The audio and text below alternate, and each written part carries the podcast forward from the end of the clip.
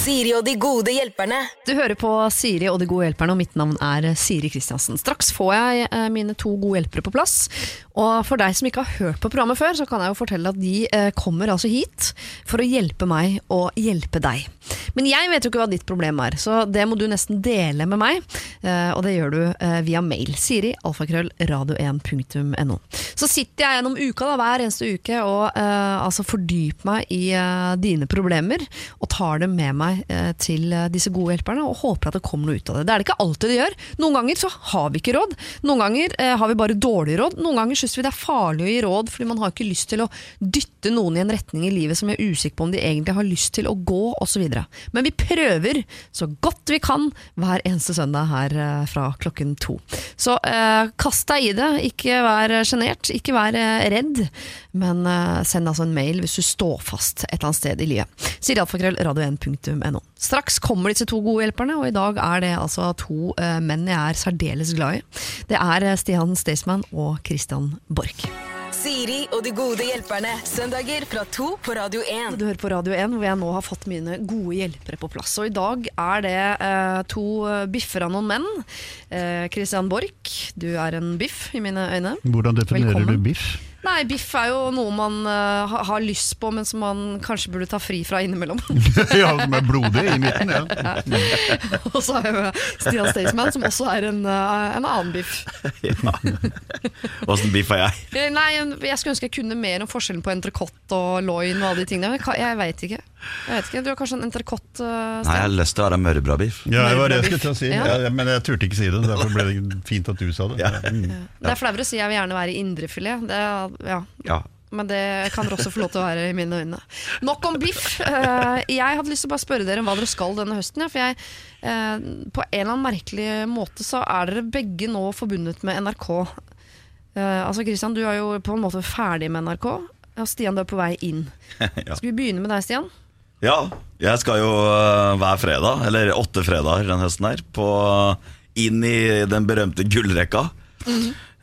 med det nye programmet Ti på topp, som er en slags uh, musikquiz-program. Ja. Det blir spennende.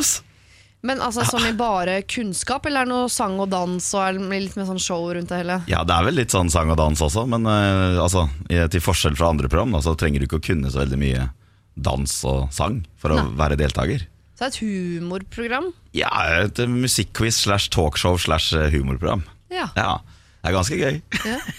Og det skal du gjøre ti fredager på rad. Åtte fredager på rad. Åtte fredager Ja. på rad. Ja. Så ja, Ja. det blir spennende. Har NRK tatt deg godt imot? Ja, jeg, jeg føler det. Jeg, jeg, jeg føler jo det at bare at de har gitt meg fredagspotten klokka åtte. eh, Da på en måte i det øyeblikket noen bestemte at ja, vi ansetter Staysman og setter han som programleder mm. klokka åtte på fredagskveldene, så tenkte jeg at da har de tatt meg godt imot. Ja. For, for det Den så du ikke komme? Nei, jeg så ikke den komme. Jeg var på audition og sånn eh, for å få den programledergreia. Som jeg, jeg solgte meg sjøl inn som programleder. Den spurte jo først om jeg skulle være deltaker. Så, Ja. Men så fikk jeg en sjanse på audition, og så var jeg der. Og så tenkte jeg at det var en god erfaring å ta med seg videre. Og så, ja, så ringte de meg, og sa at jeg fått jobben. Prøvde du det på Farmen òg? Å selge deg selv inn som programleder istedenfor deltaker? Nei, så sett i retro, retrospekt, er det, kan jeg bruke det ordet? Ja. Var det riktig bruk av ord? Ja, ja, ja. Gammel Paradise-deltaker, så jeg er livredd for å bli tatt for sånne ting. Men eh, jo, sett i retrospekt, så skulle jeg kanskje gjort det. Ja, Ja, så så- programleder der òg. Ja, så Kanskje jeg skulle gjort det hver gang noen har spurt meg om å være med på et realityshow. Her er du i hvert fall ikke programleder. Nei, men, uh, ja, Her er du bare gjest. Kristian, hvordan ser din høst ut? Du skal vel gi ut en fire-fem bøker og reise verden rundt? Nei, bare, jeg, akkurat jeg har nettopp reist verden rundt. Det vil si jeg har reist gjennom Nord-Amerika og bodd med Navaho-indianere i 14 dager i, midt i Arizona, i Nevada-ørkenen, in the middle of absolutely nowhere. Og det var ganske spennende. Vi holder på med en stor feature om en norsk fotograf som var og tok bilde av disse menneskene på slutten av 1800-tallet. Men når du sier vi holder på med en stor feature, hvor er vi da? Har du begynt er det, jeg er en amerikansk produsent ja, som har engasjert meg som sånn narrator, så jeg skal gå rundt liksom og peke sånn Attenborough-aktig og si at der dyrket de poteter, og der hadde de kuene sine, og der bodde de. Du er en perfekt. Attenborough. Ja, det vet jeg ikke. Jo, Jo, det vet jeg. Ja, det vet jeg. Men så en bok, ja. Den kommer da på mandag. Ja. Det blir spennende. Ja, Ja, det gleder vi oss til. ja vi gjør det, ja. De, ja, jeg gjør det. Jeg, vil gjerne, eh, jeg har lest én Bok før? Nei, da har jeg lest flere bøker, men fra det samme området, om indianerne. Ja, jeg skal ikke skrive bok om indianerne. Denne boken her handler om min oldefar. Det er en helt annen historie. Å ja, nei, den gidder jeg ikke lese. Han var Jo ikke indianer, nei. Han var bergenser. Ja. Han var bergenser. Men hvor kan vi se disse indianerne, da? Indianerne, hvor de kom fra? de Nei, det vet jeg, men hvor kan vi se skal, har Du ikke, du har vel ikke reist ned der er, uten å ha eh, med noen til å filme dette? Å gud bevare meg Det det var et svært team. Ja, Ja. Nei da, Massevis av droner og kameraer i bøtter og spann og greier. Ja, og Hvor skal det vises? Det skal vises i Norge, Sverige, Finland i første omgang, og antagelig også på det amerikanske markedet etter hvert. Ja, Da var det nesten som jeg trodde da. Du har reist masse rundt og skrevet noen bøker om noen greier. Ja, Ja, ja, ja. Det er alltid presis. Ja. Dere, vi skal herfra ut, eh, så skal vi hjelpe mennesker som har eh, altså, delt sine problemer med meg. Og hvis du som hører på ikke har gjort det ennå, så er det ikke for seint. Send det til sirialfakrøllradio1.no. Siri og de gode hjelperne. Vi skal kanskje i et bryllup. Det er Emma som eh, spør. Hun skriver. Jeg har blitt invitert til et bryllup. Jeg var svært overrasket over at jeg det tatt fikk en invitasjon, for bruden er nemlig en gammel venninne fra ungdomsskolen som jeg egentlig ikke har noe særlig kontakt med for tiden. Vi har de siste årene bodd langt fra hverandre, noe som har gjort det vanskelig å holde kontakten, og i løpet av den tiden føler jeg at vi har vokst fra hverandre. Jeg er svært i tvil om jeg skal dra i dette bryllupet eller ikke. Det er ikke bare den lille kontakten med bruden som holder meg igjen, for i løpet av de gangene jeg har møtt brudgommen, har han alltid kommet med masse upassende kommentarer til meg. I tillegg syns jeg hun er altfor ung til å gifte seg, hun er bare 20, han er 30. Jeg tenker som så at dersom de faktisk elsker hverandre, så kan de vel gifte seg om noen år, når de kjenner hverandre eh, bedre, og seg selv bedre. Jeg vet at hun har invitert andre fra ungdomsskolen, og noen av dem har jeg god kontakt med, og jeg regner med at planen er å plassere oss sammen, men samtidig er det enkelte der jeg ikke er så gira på å tilbringe en hel dag sammen med. Eh, Jeg tror det kunne vært artig å dra i bryllupet, men samtidig er jeg usikker på om jeg i det hele tatt støtter valget om å gifte seg. Så, bør jeg dra i bryllup, eller skal jeg finne på noe annet gøy å gjøre? Hilsen jente 20. Vi kan kalle henne Emma for enkelhets skyld. Det var jo en kolossal mengde med motforestillinger, da. Ja, På alle mulige rare plan her.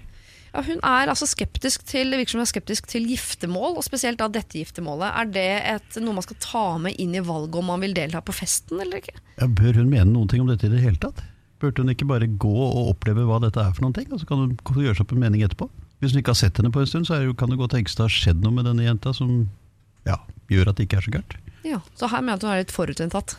Eh, Ja, på, på en rekke forskjellige plan, så vidt jeg hørte. Både når det gjaldt giftermål generelt, og denne kvinnens karakter, og aldersforskjellen til brudgommen, og litt av hvert. Hans væremåte å sette spørsmålstegn ved veldig mange ting her. Jo, jo.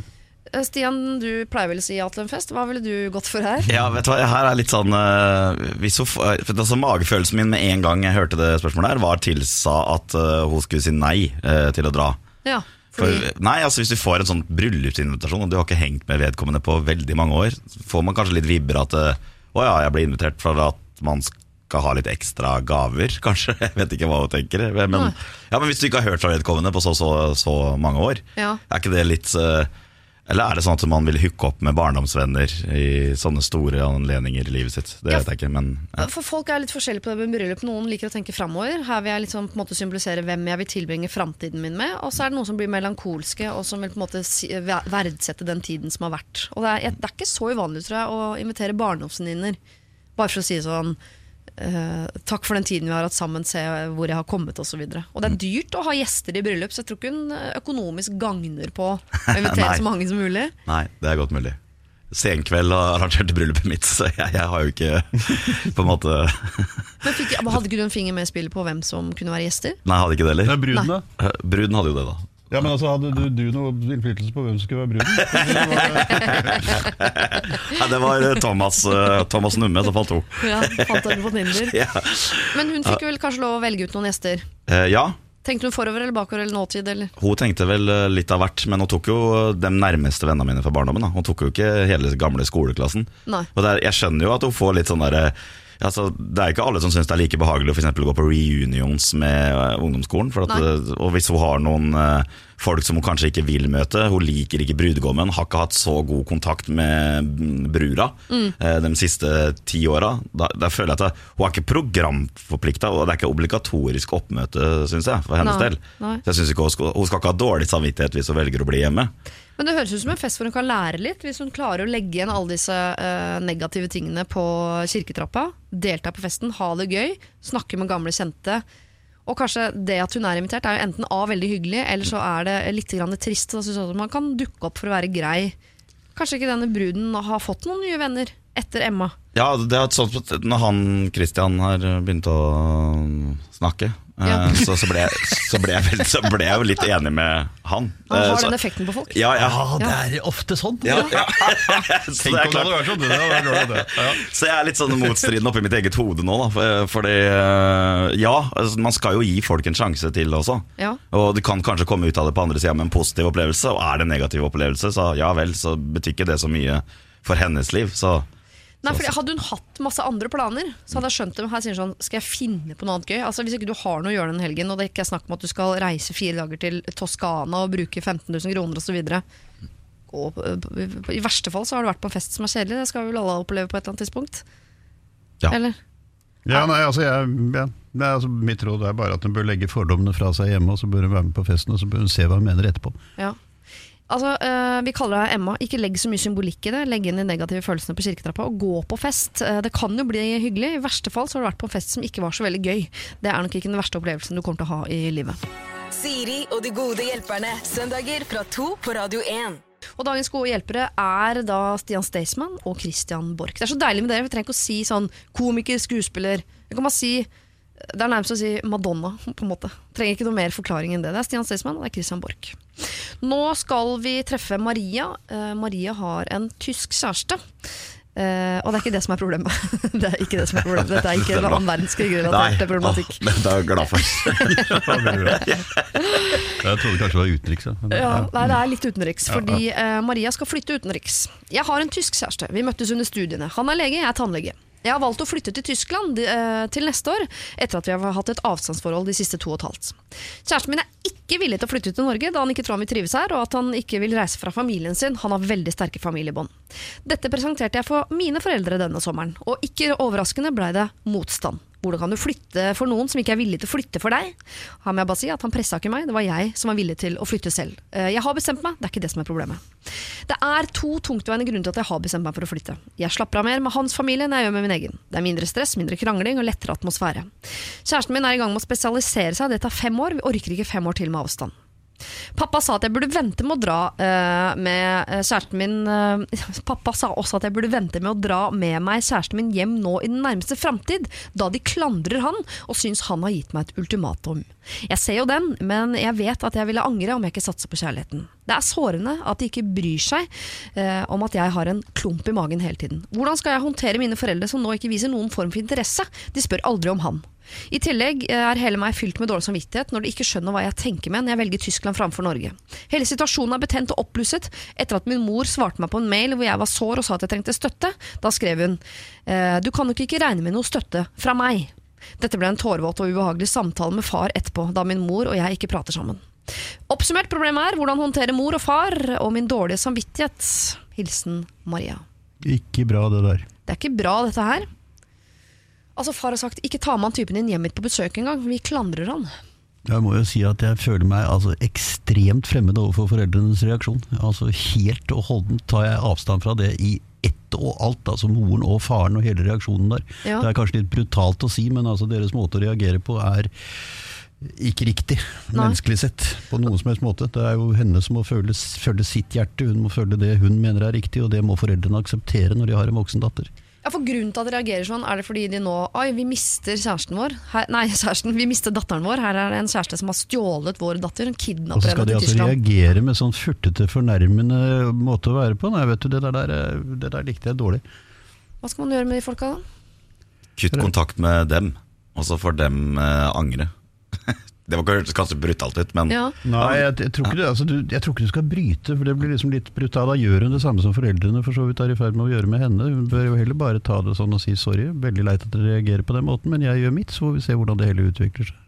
Mitt hjerte er åpent for dere allikevel, hvis dere kommer en dag. Men kan, Ja, man, kan man ikke si det, som Kristian Christian sier nå, og så kan man på en måte bryte, og så er, ligger ballen hos dem? Ja. Så har man spilt på samvittigheten deres, og så kanskje det Det vil jo Altså Det er jo dattera deres, så på, på et eller annet tidspunkt så vil det gå opp for dem at eh, Kanskje det gjør vondt akkurat nå at dattera skal stikke, og at de føler at det er feil at hun drar av gårde til Tyskland med en mann. Og De syns det er skummelt at hun på en måte skal ut av redet så voldsomt. da Ja. Eh, Flytte til et annet land. Men øh, øh, kanskje det er jo noe, den beste måten å gjøre det på, kanskje. Å bare gi kaste ballen over til dem og gi, spille kanskje litt på samvittigheten deres og bare dra. Ja.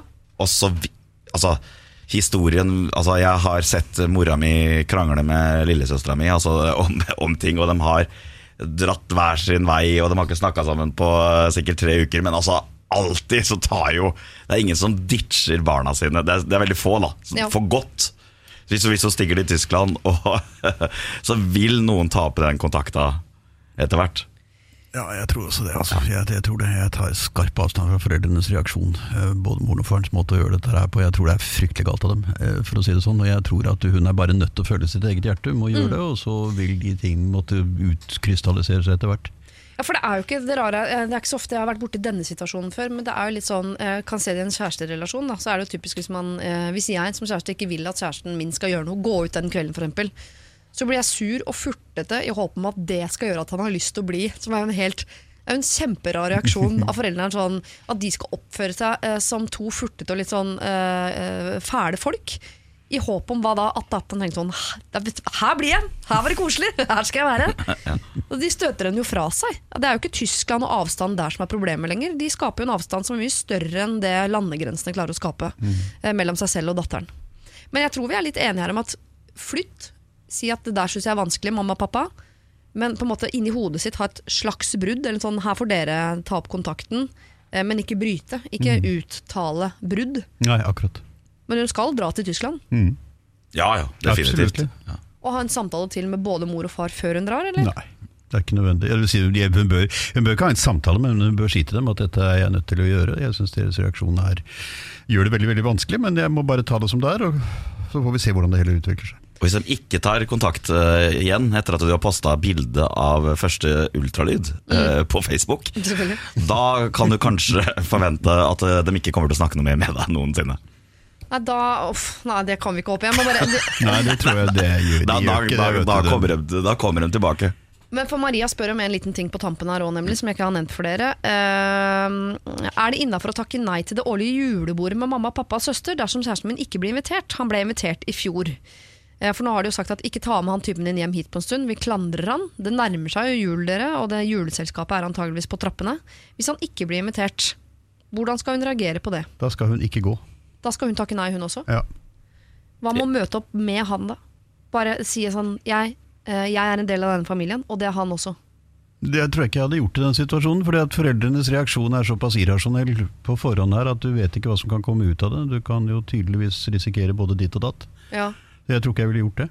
Hadde du turt å bli med på det, Stian? Hvis du var, ikke var ønsket hos din svigerfamilie? Hadde du blitt med? Nei. Nei. Aldri, hadde ikke heller. da. Nei, aldri i verden. Altså jeg, altså jeg har jo litt angst for å møte svigerfamilier sånn i utgangspunktet, så jeg tror ikke jeg skulle Alle typer svigerfamilier? ja, ja, alle svigerfamilier jeg har. Nei, så jeg hadde ikke Nei, det hadde jeg ikke tørt. Men det hadde ikke jeg følt noe grunn til heller. Nei. Nei, altså Hvis de er fiendtlig innstilt i utgangspunktet, så hvordan skal man Altså, han er jo lege. Ja. Altså, altså Han har jo alt å imponere med, men det eneste problemet er at han bor i Tyskland, og så på en måte hater dem han. Det er jo- ikke så langt til Tyskland. Så. Nei, det er det ikke. Det går båt dit, liksom. Ja. På en måte. Kielferja. Ja, så deilig tur. Ja. Maria, du skal til Tyskland. Eh, Det er foreldrene dine som må ta kontakt. Her har de en helt eh, altså en forferdelig reaksjon på at eh, du har blitt stor og du har funnet kjærligheten og du skal reise. Og Hvis det julebordet eh, skulle dukke opp uten invitasjon til dypen, så er det ingen av dere som skal gå. Og hvis dere blir invitert, så er altså, da må jeg si at han mannen din han er en tøff type hvis han tør å dukke opp i juleselskapet i år når han vet at han i utgangspunktet egentlig ikke er ønsket. Jeg ønsker deg god tur til Tyskland, og så håper jeg det ordner seg til slutt. Og hvis du sender det der eh, ultralydbildet av den første babyen, så skal jeg ha det, jeg også. Det skal jeg ha. Siri og de gode hjelperne. Søndager fra to på Radio 1. Vi skal til eh, Linnea, en eh, jente med eh, i overkant høy moral. Og det er jo rart å skulle si at det er noe gærent med det, eh, men det gjør at man havner i noen sinkesituasjoner noen ganger, for det er ikke så mange andre som har såpass høy moral som dette. Kjære Siri og dagens gode hjelpere. Jeg er en student på 20 år som fremdeles bor hjemme da jeg studerer i min egen hjemby. Dermed får jeg ikke stipend, siden jeg har jo ikke krav på det. Kjæresten min bor også hjemme, men han har tenkt å si at han bor hos en annen for å få stipend. Og dette er noe mange gjør, og jeg kan skjønne at man kan falle for den fristelsen, men jeg syns ikke det er riktig, og gjør derfor ikke det samme. Men skal jeg da si noe til kjæresten min om dette? Få han til å ombestemme seg? Eller skal jeg bare smile og se en annen vei mens jeg er fattig og han svømmer i stipendpenger han egentlig ikke skulle hatt? Jeg kjenner jeg blir irritert av hvor urettferdig dette er allerede. Men det er jo hans valg, og han er ikke den eneste i vennegjengen som gjør det samme. Skal jeg orke at dette kan føre til en stor krangel? Tusen takk for all hjelp på forhånd. Kall meg Linnea. Forstår dere Altså Han får masse studielån han ikke har krav på. Dette kunne vært trygdepenger, det kunne vært sykepenger, det kunne vært mye. Han får penger rett ut av felleskassa som han ikke har krav på. Det syns Linnea er vanskelig å stå og se på. Ja. Ikke lat som du har høyere moral enn du har her, Stian. Se på fjeset ditt. altså, du snakker til en jente som har Jeg har eh, latt som jeg har blitt rana av utlendet for å få, eh, få igjen på eh, reiseforsikring osv. Så, videre. så du trenger ikke å Nei, nei. Flotte deg for meg. Nei, nei, altså Jeg, jeg har eh, Såpass ærlig da skal jeg være. At uh, jeg har utnytta fellesskapskassa vår sjøl. Ja. Uh, og jeg juksa litt også, men jeg ble tatt for det. Så, det, så sånn sett så, Fikk som du fortjente, ja. det, Jeg fikk akkurat som jeg fortjente. Jeg fikk en bot. ja. Så jeg måtte betale tilbake. Eller? Moms og sånn sliter dere i musikkbransjen med. Jeg syns dere er vanskelig å betale. Ja, det, ja men vi er, jo, vi er jo fritatt for moms også. På, Ja. ja. men det var ikke noe i musikerkarrieren. Det var at jeg sjonglerte en karriere på Esso eh, med Nav. Ja, Og så dagpenger jeg- og solgte pølse. Ja, Mm. Og så jobba jeg litt mer enn jeg egentlig hadde lov til. Ja, Og så førte jeg ikke opp alle de timene. skjønner. Men jeg ble tatt. Ja. Og det er det som er eh, moralen her. Er at, eh, som hun kan si At hvis du blir tatt for det greiene her, da så får du jo store konsekvenser. Og det, det er jo noen som blir tatt Ja. med å bytte sånn adresse. Og det er ikke så veldig vanskelig å bli tatt heller. Jeg vet om flere som har blitt tatt for å ha gjort tilsvarende ting. Vi hadde en venninne som ble tatt, og vi må jeg innrømme at eh, på vegne av de syv i den venninnegjengen, så var det en som ble tatt, og vi andre seks gosset oss veldig. Ja, Det må jeg innrømme at vi gjorde. ja. Og da, i hvert fall, det er jo altså, alltid altså, Karma kommer jo på en måte veldig ofte og tar deg da, på et eller annet tidspunkt i livet. Så sånn sett så er det jo, det er jo dumt å gjøre noe ulovlig. Og Ja. hun burde vel kanskje i hvert fall poengtert det da, overfor eh, kjæresten sin at det, det her kan gå galt, og så kanskje advare imot det. Ja. Men så det er klart, det er jo forskjell da, Og tyste, det blir jo liksom ja, For kan Linnea gi Karma en liten dytt i baken her? Ja, altså, kan si noe, bortsett fra det der faren for å bli tatt, så er det altså, Jeg er 200% enig med Linnea. Altså, jeg ville ikke godtatt det der. Jeg ville ikke gjort det. Jeg ville også da, tror jeg, på en måte prøvd å snakke med denne fyren og få ham til å forstå at det er noe dypt umoralsk i det han gjør. Ja. Uh, og det er ikke så veldig moraliserende det, egentlig. Altså, det er rett og slett bare et spørsmål om å stå opp for det som er, eh, det som er ærlig og riktig. Og jeg tror altså, ikke sant, Bortsett fra straffeforfølgelse og den type konsekvenser, så har han, får han konse konsekvensproblemer med sin egen samvittighet etter hvert. Ja. For dette er juks, dette er ren svindel, og det er altså, uansett hvordan du vrir og vender på det, så er det ikke noe særlig bra. Altså, du føler deg ikke noe særlig vel med det etter en stund. og Du kan- ser jo på fjeset mitt at jeg smiler bare du sier ja, ordet juks. For at jeg er jo Jeg syns jo uh, juks Du liker juks, du. noe av det beste. jo, men det, er for, det, er, det er grenser. Altså, Men kan ikke dette det her være en, sånn, en, en slags krasj sånn forholdsmessig, som, som kommer til å by på større problemer etter hvert som åra går? det Absolutt. Ja. Det er akkurat det jeg mener. Og det, det er altså helt åpenbart at, at Linnea står mye mye tryggere i seg selv enn han gjør. Og Ja. Derfor tror jeg hun bør snakke med ham forsiktig om det. Og si at dette tar hun avstand fra, og har han tenkt igjennom det, har han tenkt på konsekvensen av forholdet til sin egen samvittighet, ikke myndighetene, for det er ikke så interessant. Nei. Straffeforfølgelse i henhold til straffeloven er én ting, men altså, det er sin egen samvittighet man er nødt til å stå opp for, og du skal kunne se deg selv i øynene om noen år. Altså. Jeg tror ikke han er ute på riktige veier, og jeg tror hun har helt rett. Ja, for det som er skummelt her, er jo når eh, din verden Christian Borch, og min verden møtes, og man skal prøve å gå gjennom et liv jo- sammen. Hvis de har så eh, forskjellige moralske grunnlag, så er Våre- dette er ikke den første våre- krangelen de møter. Våre liv har jo møttes, de sier. Vi har ikke bare det, vi har bytta liv. Vi har bytta liv også på et tidspunkt. Det var spennende.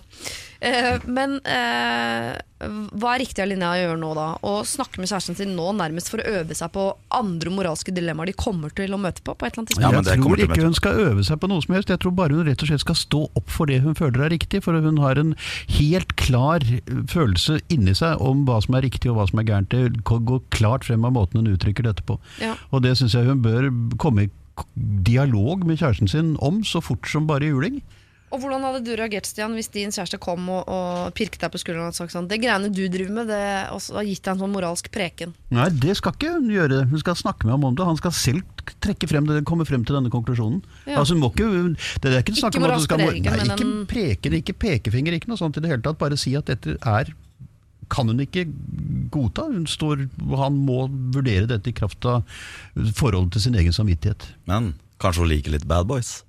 Ja. Kanskje hun, kanskje hun innerst inne liker det at han er litt sånn rebelsk og står opp imot uh, hennes meninger. Det vet man jo ikke det heller, da. Nei. Ja, rebelsk, da fikk jeg mer motorsykkel enn Jo, sånn. jeg, Jeg jo, jeg, jeg vet ekstra studielån. Litt flåsete sammenligning, men, men det kan jo være at ja. Men hadde du, eh, hadde du vært villig til å endre deg da, hvis kjæresten din hadde tatt opp med deg noe hun syns eh, du gjorde som ikke var riktig ja, på det tidspunktet? det hadde jeg vært. Det hadde du vært. Ja, Ja. såpass Uh, altså, Men ofte så er det jo også fint hvis noen uh, Sånn som jeg gjorde i stad. Ja. Fortalte om mine egne erfaringer med det samme, Ja. som gikk til helvete.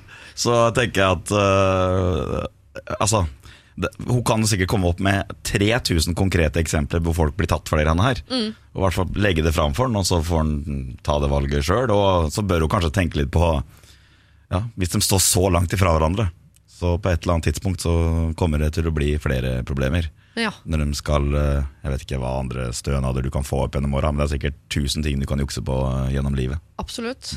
Eh, Linnea, uh, din moral er riktig. Din, uh, altså, du må følge din magefølelse her, og dette må du ha en samtale med kjæresten din om. Ikke en moralsk preken, det kommer ikke til å, å virke, men ta en samtale med han om dette. For i verste fall så er dette noe som kommer til å utvikle seg og bli vanskeligere på andre plattformer senere i livet. Så hvis ikke dere tar tak i dette nå, så blir det bare verre og verre. og verre, verre, verre. Så ta en prat du, med typen din, og se om ikke du kan vekke det moralske senteret i han. Siri og de gode hjelperne. Eh, 30. september så var det Synnøve Skarbø og Vanessa Rudjord som var mine gode hjelpere her i Siri og de gode hjelperne. Og da fikk vi inn et eh, problem fra en eh, jente som kalte seg Frida, som hadde en venninne vi kalte Kristine. Kristine hadde hatt bursdag for en god stund siden, og den anledning så hadde Frida kjøpt en fin gave, til tross for at hun ikke skulle ha noe bursdagsfeiring. De hadde vært venninner lenge, og hun tenkte at de kunne møtes en annen dag, og så skulle hun gi denne gaven. Men denne venninnen da, som ikke skulle feire noe bursdag, har altså en tendens å avlyse avtaler, og det begynner Frida å bli mektig lei av. Ikke bare avlyser hun, hun følger heller ikke opp, hun tar ikke noe initiativ, eller legger ikke til en ny dag eller lignende. Så Frida er litt lei av hele opplegget. Og så lurer hun på da, kan hun bare åpne den gaven og ta den sjøl, det er en fin gave, hun har egentlig lyst på den. Men så har hun en moralsk vokter eh, som bor hjemme hos seg, altså hennes kjæreste, som mener at det er helt forkastelig å gjøre. Eh, jeg spurte hva Vanessa og eh, Synnøve ville ha gjort, og her skal du få en smakebit. Jeg hadde åpna den tvert og satt den i hylla. Men det er noe ganske tydelig tenker jeg, at hun venninna som hadde bursdag, ikke er sånn kjempeivrig på å opprettholde dette vennskapet. Virker det sånn. Når det er gått én måned, det har ikke vanka en snap, det har ikke vanka en melding, ingenting. Da hadde jeg kanskje tatt hintet. Et, et, en ting som slo meg, at jeg kanskje ville tatt og sendt den med bud, eller eh, sendt den i posten, eller noe sånt, bare for å gi henne litt ekstra dårlig samvittighet. Ja. For at, eh, vær så god, her er gåva jeg skulle gi deg på bursdagen din, men eh, siden du avlyste, så sender jeg den i posten i stedet for. Ja. For jeg tipper at da føler hun seg ganske grufull, hun eh, som har bursdag, da. Hadde bursdag. Behold gaven og vent til om hun er klar. Hvis ikke, så altså, gi det to måneder til, da. Og så opptar du gaven sjøl, og så bare drit. Altså, så, ja. Men jeg føler at Kristine må ta kontakt sjøl. Jeg kjenner jo ikke uh, verken Frida eller Kristine her, men jeg bare ser for meg at hvis Kristine har hatt en vanskelig oppvekst, avlyser alle avtaler, kanskje hun har sosial angst eller et eller annet da. Jeg kanskje syns det er litt sånn tøft å feire bursdager, at det bringer fram gamle, triste minner. Ja, kanskje hun trenger Frida ekstra mye, liksom. Også i sånne perioder hvor hun avlyser kaffe og sånn, så trenger hun at Frida ikke gir opp. Ja, her er jo jeg litt uenig, da. Men Ja. det er nok fordi at jeg eh, Jeg liker jo godt å være, bli verdt Altså at folk ikke maser for mye. Mm. Eh, og det kan òg være når man har det vanskelig. Fordi jeg vet på en måte at jeg har Synnøve og Pia, som er mine bestevenninner. De er der uansett. Så selv når jeg går litt sånn i hi og ikke tar telefonen, og det kan skje i perioder på mange dager, eh, og det kan godt være at Synnøve og Pia blir litt sure, men jeg eh, mener at eh, de skal være så gode venner at de er der uansett, selv om jeg er litt sånn dårlig venninne som ikke tar telefonen, fordi nå sliter jeg litt. Da vil jeg være i fred, så ikke mas mer på meg, men jeg tar kontakt når jeg er klar. Og da mener jeg det må det være rom for i et vennskap. Det var altså noe av det Synnøve Skarbø og Vanessa Rudjord mente om eh, saken. Nå vil du høre resten som du laster ned podkast fra da 30. september. Jeg har fått en ny mail her fra Frida hvor hun skriver Hei igjen, og takk for fine råd. Jeg skjønte nok allerede da jeg satt på podkasten at jeg egentlig hadde bestemt meg for hva jeg kom til å gjøre, nemlig pakke opp gaven og sette den i hylla. Når det gjelder dette med hvorfor hun avlyser og sjelden tar initiativ, har jeg tenkt at det var, slik du sa, Siri, at det skyldes at hun bl.a. har litt sosial angst, og at hun har det sånn overfor alle. Men dette rådgiverne sa om at venninnen min også kan oppføre seg sånn fordi hun ikke lenger, min, ikke lenger ønsker å være min venn, ja, det er en tanke som aldri tidligere har slått meg. Jeg har altså vært så fastkjørt i mitt eget resonnement at jeg ikke har evnet å se dette selv. Jeg gikk altså for varianten om å ta gaven selv og lot henne være. Det har nå gått over en eh, måned, og jeg er nok et vennskap fattigere. Tusen takk for gode og kreative råd, og for at dere er ærlige og eh, fine rådgivere. Hilsen Frida. Fine rådgivere, det la jeg til faktisk. Det sto ikke der engang. Jeg har en tendens til å gjøre det. Når jeg leser ting, så leser jeg sånn cirka det som står der, men jeg har en tendens til bare i liksom ønsket om å gjøre det om til uh, mitt språk, eller levle, leveliggjøre det, så hender det at jeg tar noen uh, rare krumspring, og der la jeg til fine på rådgivere. Det vet jeg jo ikke om Frida mener. Men at Frida antageligvis er ett vennskap uh, fattigere, det var jo ikke meningen det, da. Vi ønsket jo ikke det. Uh, men jeg håper du har det bra med det valget allikevel, Frida. Og hvis det er sånn at venninnen din ønsker kontakt med meg, så får jeg bare håpe at hun tar seg sammen og kontakter deg ved et senere tidspunkt. Siri og de gode hjelperne. Nå skal vi til en mann. mann er ikke, altså menn er ikke så flinke til å be om uh, hjelp. Uh, så når jeg får mail fra menn i innboksen, så kaster jeg meg ganske hardt over det. Uh, dette er en gutt, skråstrek mann i slutten av 20-årene, som har et problem. Han skriver. For noen måneder siden gikk jeg gjennom et relativt ryddig brudd med min samboer gjennom tre år. Det fungerte rett og slett ikke lenger, og følelsene var ikke helt slik de burde være. Nå har jeg flytta inn i en ny mellomstor by, med ny jobb, ny leilighet, rett og slett en helt ny start. Så over til selve problemet. Jeg har levd i et uh, ufrivillig sølibat siden bruddet. Og i en god stund før bruddet også, faktisk.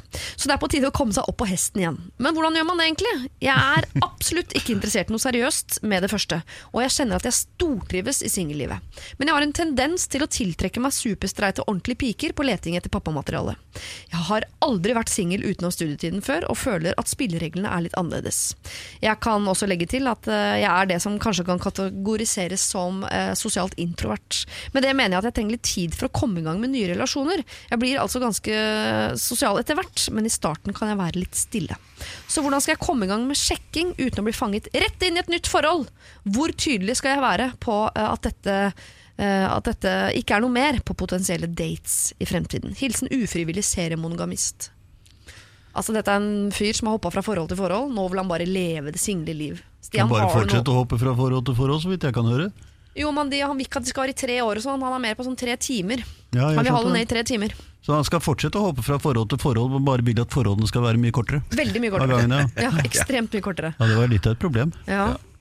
Har du vært borte Er ingen av dere som har vært borte dette? Overhodet ikke. Bortsett fra at jeg da jeg ble skilt fra min andre kone, bestemte meg for at fra nå av skal jeg leve et autonomt liv. Fra nå av her ingen skal få bestemme over meg i det hele tatt. Det varte to måneder. Og så traff du denne nydelig fransk-italienske eh, eh, kjæresten din, som du driver og padler kajakk for å hente bagetter til på morgenen. Mm. Ja. Jeg kjenner Christian godt, skjønner du. Ja, Se for deg Christian i en kajakk med en bagett under armen på vei til sin uh, franske altså, herlighet. liv har du egentlig, Christian? Det er, det er ute i ørkenen bes veldig, besøke indianere og fransk-italienske kjærester. Ja. veldig rikt liv. Ja, veldig rikt liv. Ja.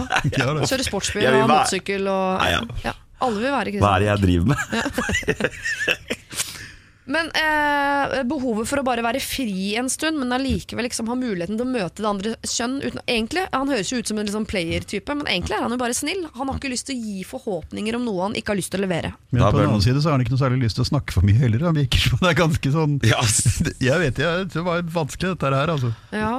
Jeg eh, tipper at han bør eh, han laste ned Tinder. Mm og så- også for det er jo en sjekkeapp som åpenbart uh, gir uttrykk for at det ikke nødvendigvis skal være noen forpliktelser. Kan man ikke også huka der hva man er på jakt etter, i forhold til om det er noe seriøst eller noe uh, useriøst? Ja, det vet jeg ikke, men eh, jeg, jeg, Hva kalte du det? Tinder. Tinder, ja. Ja, det er en er en sjekkeapp. eh, app hvor du kan bare eh, plukke opp andre mennesker. ja. Er det et annet ord for det? Ja, nei, jeg vil si at det er en slags, eh, er en slags uh, GPS-signaler for folk du kan ligge med. Ja. På en måte. Det, var, det er sånn, Uten å si det fullt så direkte som du gjorde, så var det noe sånt jeg prøvde å få dere til å si. Ja. Ja. Ja. Jeg kunne sagt det enda mer direkte, men jeg merket at jeg jeg liksom hadde en svak følelse av at det kunne vært sagt enda mer direkte. Mm. Absolutt, absolutt. Men last ned Tinder og legge ut der. Nei, og så Prøv å matche med noen, og så snakk med dem. Og så på en måte ikke lov noe mer enn det du selv ønsker. Og det er jo og hvis du får besøk av noen derfra, da, du skal ha Netflix og chill, da, eller, noe sånt Det er kanskje litt 2008 kanskje nå, men uh, foreslå da, Netflix og chill. Og så Fader, litt 2008, ja, det, var, det er ikke bra. Nei. Det er gammeldags. Jo, men altså, så kommer vedkommende hjem til deg, så du, fortsetter du å si at uh, du er ikke ute etter noe mer. Nei, Så du kan si det med en gang. Det er folk åpne for nå. Ja, altså, definitivt. Og, altså, min erfaring på det feltet er vel at eh, hvis du sier det, Ja. at du er ikke åpen for noe mer, Ja. så på, på et vis så gjør du deg litt mer interessant eh, for mange. Ja, for det er faren for Hvis jeg hadde møtt en gutt som jeg virkelig hadde likt, og han sagt til meg Jeg er ikke ute etter et forhold, så hadde jeg tenkt sånn Det får vi se på. Yes. Ja, ja, akkurat det. Ja, men sånn tenker, sånn tenker mange. Ja. Og, og derfor så tror jeg det egentlig, hvis han bare er direkte og sier det åpent, så tror jeg ikke det vil gjøre at han får mindre draget, eller får mindre tretimersdater. Nei, Kanskje han helst skal være åpen på sånn Åh, jeg har en tendens til å bare falle inn i det ene forholdet etter det andre. Så flytter vi sammen, da. Slutter å ligge sammen, ser på TV, spiser med. Hver gang! Ja. Da får folk sånn Å, herregud, det orker ikke jeg. Nei. At han skal være litt mer tydelig på historikken sin. Nei. Nei. Nei. Nei, for, det, for da sier han jo nettopp at han har en tendens til å ende opp i forhold med vedkommende. Og det er også attraktivt for kvinner. Nei, ikke nødvendigvis.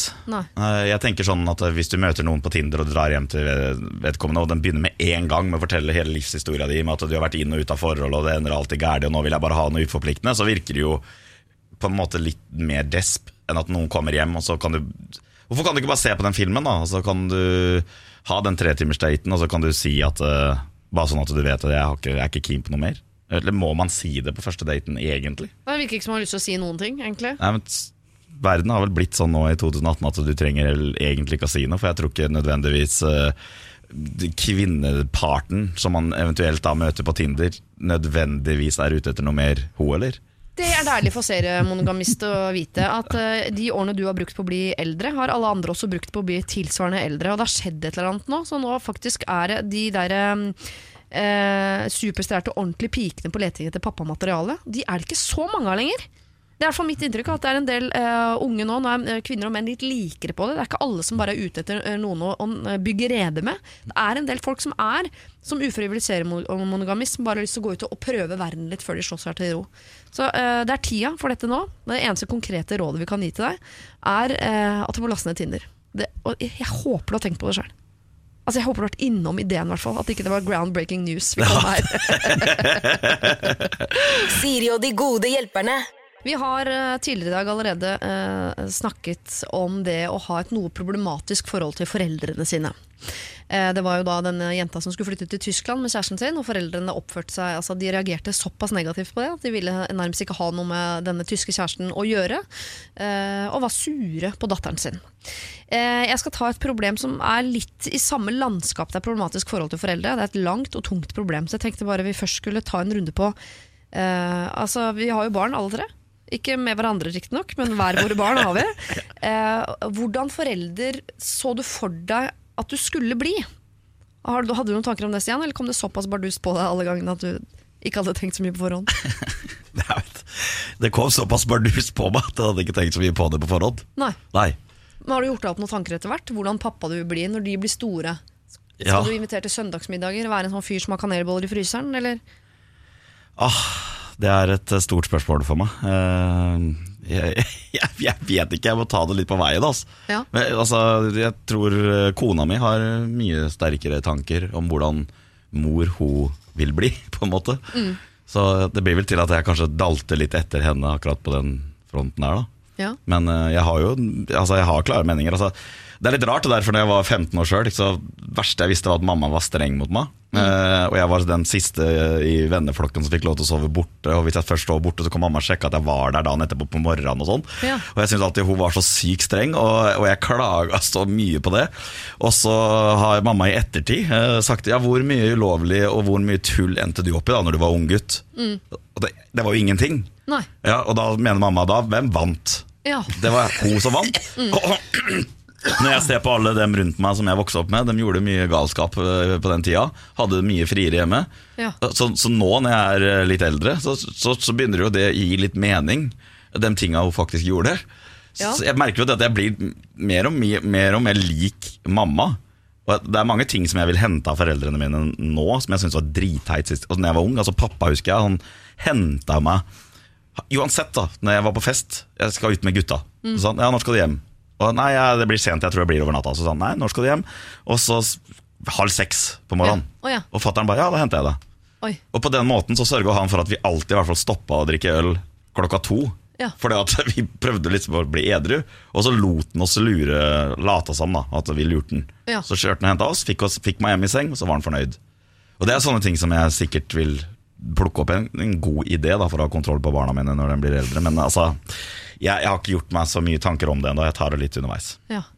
Deg da, Kristian, hadde du noen forhåpninger om hvordan eh, far du skulle bli? Ja, Vi hadde vel en ganske klar plan om at eh, det viktigste for oss var å gi barna trygghet. Altså At de hadde en trygghet i seg selv, at de hadde en trygghet i at de ble forstått og oppfattet som det de var, nemlig individue individuelle mennesker. Ja. Og det forutsetter jo at du gir dem eh, At du respekterer på en måte deres egne valg til en viss grad. Og istedenfor å komme med pekefinger og eventuelt hente dem tidlig om morgenen, så kan du, kan du på en måte gi dem en eh, forståelse av det og få dem til å få et forhold til det selv. Og det tror jeg for så vidt gikk bra. Jeg var jo i den situasjonen at jeg ble enkemann ganske tidlig. og Barna mine var ja, i en viktig fase, da 13 og, og ja, 15 år gamle. Uh, men, men det var tydelig at den oppdragelsen vi hadde gitt dem, den slo ut. Fordi de hadde en ansvarsfølelse, de hadde en forståelse av hvordan tingene var. De var ikke sånn at de følte at de ikke kunne leve livet, for det kunne de i høy grad. Men de måtte ta konsekvensen av det og forstå det, og de kunne komme og snakke om det. Og vi har snakket sammen veldig mye, så akkurat det der, der tror jeg fungerte noenlunde brukbart. Ja. Men i hvert fall hovedprinsippet er jo, er jo da å gi dem den tryggheten som skal til for å utvikle sin egen personlighet, sitt eget bevisste forhold til det de gjør. ja. Sånn pappa vil jeg bli. Ja. Sånn, så så, Men da syns jeg høres ut som dere begge på hver deres måte er eh, prakteksemplarer på, eh, på det å være pappa. Eh, jeg skal lese problemet Linda har. Det er nemlig det at eh, pappaen hennes er ikke et prakteksemplar. Jeg er hans eneste barn. Jeg har blitt eh, 40 år og føler egentlig at jeg ikke trenger han og alle skuffelsene hans overfor meg og mine barn. Jeg valgte å droppe all kontakt for ca. 15 år siden, men etter at jeg fikk barn selv, gjenopptok vi kontakten på mitt initiativ. Fordi jeg ville at min sønn og min datter skulle kjenne familien sin. Men vi er bakert i rekka av prioriteringer. Bak min stemors familie, som kommer i første rekke på alt. Og så kommer hun med noen eksempler her. En gang ble jeg spurt av min stemor om vi var hjemme på en gitt dato i juni, når foreldrene hennes skulle feire et jubileum. Og etter å ha sjekket kalenderen svarte jeg at eh, nei, da er vi nok borte, og hun sa da åh, det var synd, min mor vil gjerne spørre om du kunne servere. Jeg og min familie har aldri blitt regnet som en del av min stemors familie. Aldri invitert til juleselskaper eller lignende på hennes side av familien. I forbindelse med min farmors nytt eksempel, i, I forbindelse med min farmors bortgang tidligere i år fikk jeg 50 000 kroner overført fra min far med kommentaren 'Siden du blir 40 om ikke så lenge og skal på juleshopping i Praha snart'. Situasjonen er jo allikevel det at min stesøster fikk samme sum.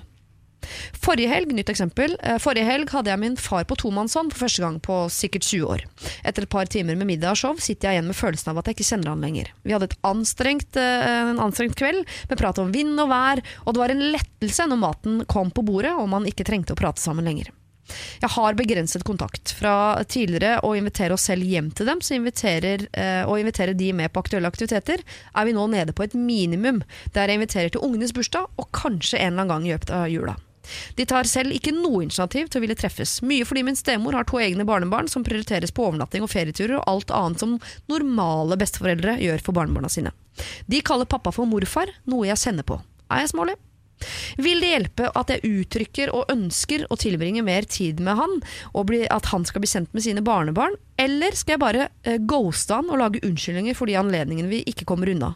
At vi ikke kommer til å arrangere barnebursdager eh, i framtiden. Hva syns dere? Ha en finfin sønn og hilsen Linda. Dere skal få tenke litt på det. Her er det altså en hun gir oss noen drypp. ikke sant? Det har vært eh, vanskelig i alle år. Hun har tatt kontakt med sin far, som hun har hatt et brudd med tidligere. Eh, og hun vet ikke om hun nå skal kutte han helt ut igjen, eller om hun skal ta et siste forsøk på å få han nærmere seg. Vi skal tenke litt på hva som er riktig å gjøre her, eh, Linda. Så kommer vi tilbake til det rett etter at vi har hørt litt eh, musikk. Siri og de gode hjelperne. Søndager fra to på Radio 1. Før denne Julia Michaels-låta 'Issues' så fikk vi høre problemet til eh, Linda. Linda har et veldig anstrengt forhold til sin far, som hun eh, droppet helt for 15 år tilbake etter å være lei av skuffelser, men som hun tok inn i livet sitt igjen fordi hun ville at eh, hennes sønn og datter skulle ha et forhold til sin, til sin morfar, som det jo da blir. Nå er hun skuffet igjen. De har er dårlig kjemi, hun blir ikke tatt inn i varmen hos sin stemor. Og de har begynt å begrense kontakten og lurer på om hun nå skal uh, fade helt ut av livet hans igjen. Eller om hun skal uh, prøve å komme seg uh, inn ved å, å snakke med han på en eller annen måte. Altså, hva skal hun gjøre her? Det er det hun spør om, rett og slett. Ja, Ja. det var et heavy problem. Ja. Men altså det nærmeste jeg kan relatere, er at jeg, jeg kjente en gang en jente som hadde litt sånn tilsvarende problem med sin far. Og um, det som var vondt å se, var hvor mye vedkommende skuffa hun, Ja. og hvor mange sjanser hun ga far sin. Det var nesten skremmende liksom, å, se hvordan hun gang etter gang etter gang etter gang eh, ga han en ny sjanse til å på en måte eh, bedre ting, da. Og gjøre ting bedre. Og han gang etter gang etter gang etter gang prioriterte henne vekk når alt kom til alt. Og hun gang etter gang etter gang satt og gråt.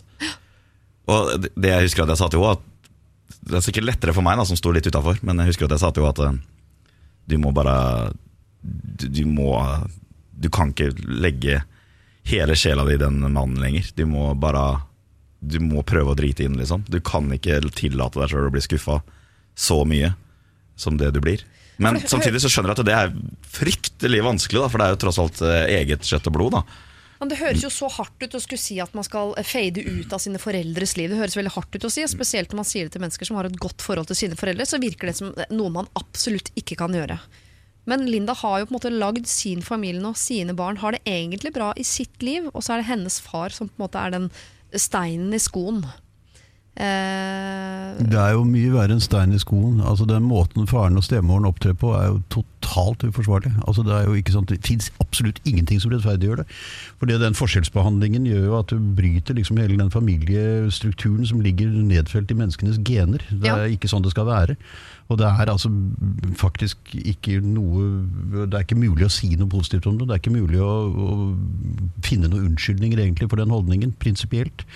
Og det er klart, Linda har jo det problemet at du, du kan, hun kan jo si som så at nå orker jeg ikke mer, nå gidder jeg ikke mer, og hvis det kan være på den måten for får jeg heller klare meg selv, men det kan du ikke gjøre. fordi at hele hennes indre liv vil jo søke mot å ha den kontakten. Det, har, det er jo en del av det menneskelige, Ja. rett og slett. Så hun må på en eller annen måte tror jeg, bare prøve å finne andre måter å komme an i tale på. Få en dialog, få en mulighet for å forklare sine egne ting og sine egne synspunkter.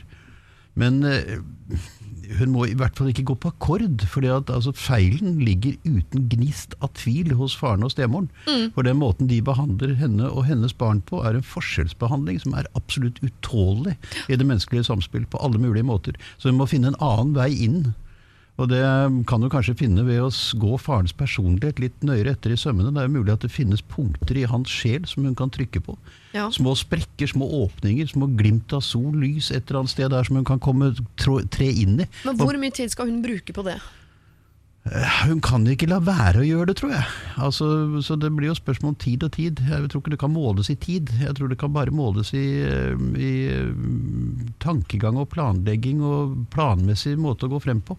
Ja, for jeg ville normalt sett, så ville jeg sagt, i og med at jeg, har i stor grad gjort det selv, så jeg har fadet helt ut. Jeg har sagt nei. Eh, du, det er ikke noe plass for deg i mitt liv. Nå har jeg laget mitt liv, det er fint uten deg. Du valgte deg ut, du får ikke lov til å velge deg inn. Den makten er det jeg som har, og jeg velger å si nei. Uh, så jeg syns at Linda absolutt kan bryte med sin far, men det jeg syns gjør det vanskelig her, er at hun har introdusert han for sine barn. Så hun har jo nå en sønn som jeg vil anslå at er sånn ca. syv år, og en datter som er en lillesøster. De har jo møtt sin morfar. Og da ville jeg fått et forklaring Det er en grunn til at jeg ikke latt mine barn treffe eh, min pappa. Fordi jeg ville fått et forklaringsbehov for uh, Hvor ble det av han mannen vi traff? Hvor er han nå? Så det syns jeg, jeg er det vanskeligste for Linda hvis hun skulle velge å fade ut, noe jeg støtter 100 Så eh, må du legge en strategi på hvordan du uh, forklarer det overfor barna. Ja, det, er, altså, det er et par uklare poenger her. og Det ene er jo øh, hvor hennes, hvor Lindas mann står i dette spørsmålet, hvilke råd hun får av ham. Ja. Og hvor mye han kan identifisere seg med denne problemstillingen. Og det andre som jeg synes er et problem, det er at det er litt vanskelig å danne seg et inntrykk av hva slags personlighet faren egentlig er. Altså Hvorfor har han endt i denne situasjonen?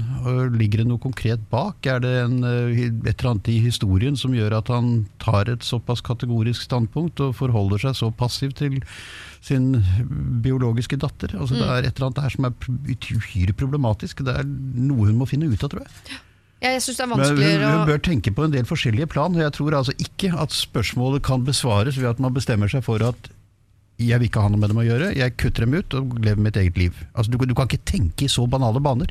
Du må på en eller annen måte prøve å finne innpass inn i personligheten, inn i sjelen. Prøve å finne de bakenforliggende følelsesmessige årsakene til dette her. Ja. Og nærme deg dem på en eller annen måte. Det høres veldig komplisert ut når jeg sier det sånn, det hører jeg, men eh, jeg tror det er ganske viktig. altså. Men kan hun eh, i hvert fall få lov til å i større grad ikke hele tiden være pådriver? For jeg syns det er vanskelig at en datter skal være pådriveren for å holde Men hun kan Alene ikke- være pådriver kan for et ikke være forhold. pådriveren på det helt banale plan. Hun kan ikke være pådriveren som sier at nå kommer vi, og dere må komme hit osv. Hun må finne en annen løsning. For det, altså det ligger ikke på det planet. Kan ikke Hun er nødt til å nærme seg personligheten. på en måte. Altså. Hun må finne mm, sider ved mannens personlighet som hun kan spille på, appellere til, snakke til. Ja. Burde ikke det være gjennom kanskje hennes egne barn? At barna har jo blitt introdusert for morfaren sin, og hun kan jo kanskje også poengtere det overfor faren sin at det, jeg har ikke nødvendigvis noe sånn personlig superlyst til å ha noe med deg å gjøre, men jeg vil at eh, barna mine skal vite hvem morfaren sin er, og ha timen. Og at eh, og på en måte tilrettelegge at eh, han får tid med barna hennes. eh, og kanskje danner seg en litt sånn følelsesmessig, følelsesmessig relasjon til dem. da Ja. Altså, jeg vet, jeg, det, er jo, det er jo nesten en umulig oppgave da, å vite hva som er riktig i en sånn type situasjon. Men eh, ja, det er jo Kanskje det er lettere for han å på en måte forstå at små barn har øh, lyst til å kjenne morfaren sin, enn at øh, en datter som han på en måte har kutta kontakt med i utgangspunktet, skal ha det. Ja. Det høres jo litt rart ut, men eh, for meg så virker det litt som at han har jo en tilknytning til barna på andre sida her. Så. Ja. Linda, her syns jeg eh, det er vanskelig å skulle konkludere med noe. Jeg syns det er litt skummelt å skulle konkludere med hva du skal gjøre, fordi vi ikke kjenner forhistorien. Hvorfor har din far tatt de valgene han tatt, osv. Hvis det er sånn at du heller ikke kjenner den forhistorien, så kan det hende du hadde fått veldig mye ut av både du og din far, at dere hadde gått gjennom den sammen. At dere hadde fått en større forståelse for hvorfor ting har blitt som det har blitt. Se om du finner noen eh, sprekker i hans personlighet som gjør at du kan eh, nå inn til han, og se om du kan bygge et eh, forhold basert på det. Går ikke det, og det er det bare du som kan bedømme hvor mye tid og energi du klarer å legge på det, går ikke det, eh, så skal ikke jeg si at jeg, skal, altså, jeg sier ikke at det er riktig å gjøre, men jeg bare sier at hvis du på et eller annet tidspunkt velger å fjerne deg eh, for andre gang i ditt liv fra din far, så har du i hvert fall, om ikke eh, et go fra meg, så har du masse, masse forståelse. Siri og de gode hjelperne. Nå skal vi da hjelpe en som kaller seg, eller kanskje heter Dagny, ikke vet jeg. Hun er 29 år gammel og skriver Hei, jeg er i et langdistanseforhold med en mann på 34. Han er veldig privat. Han har generelt problemer med å snakke om følelser og bærer på mye tyngde. Det tok tid før han begynte å åpne seg for meg, men han er ellers en veldig fantastisk fyr.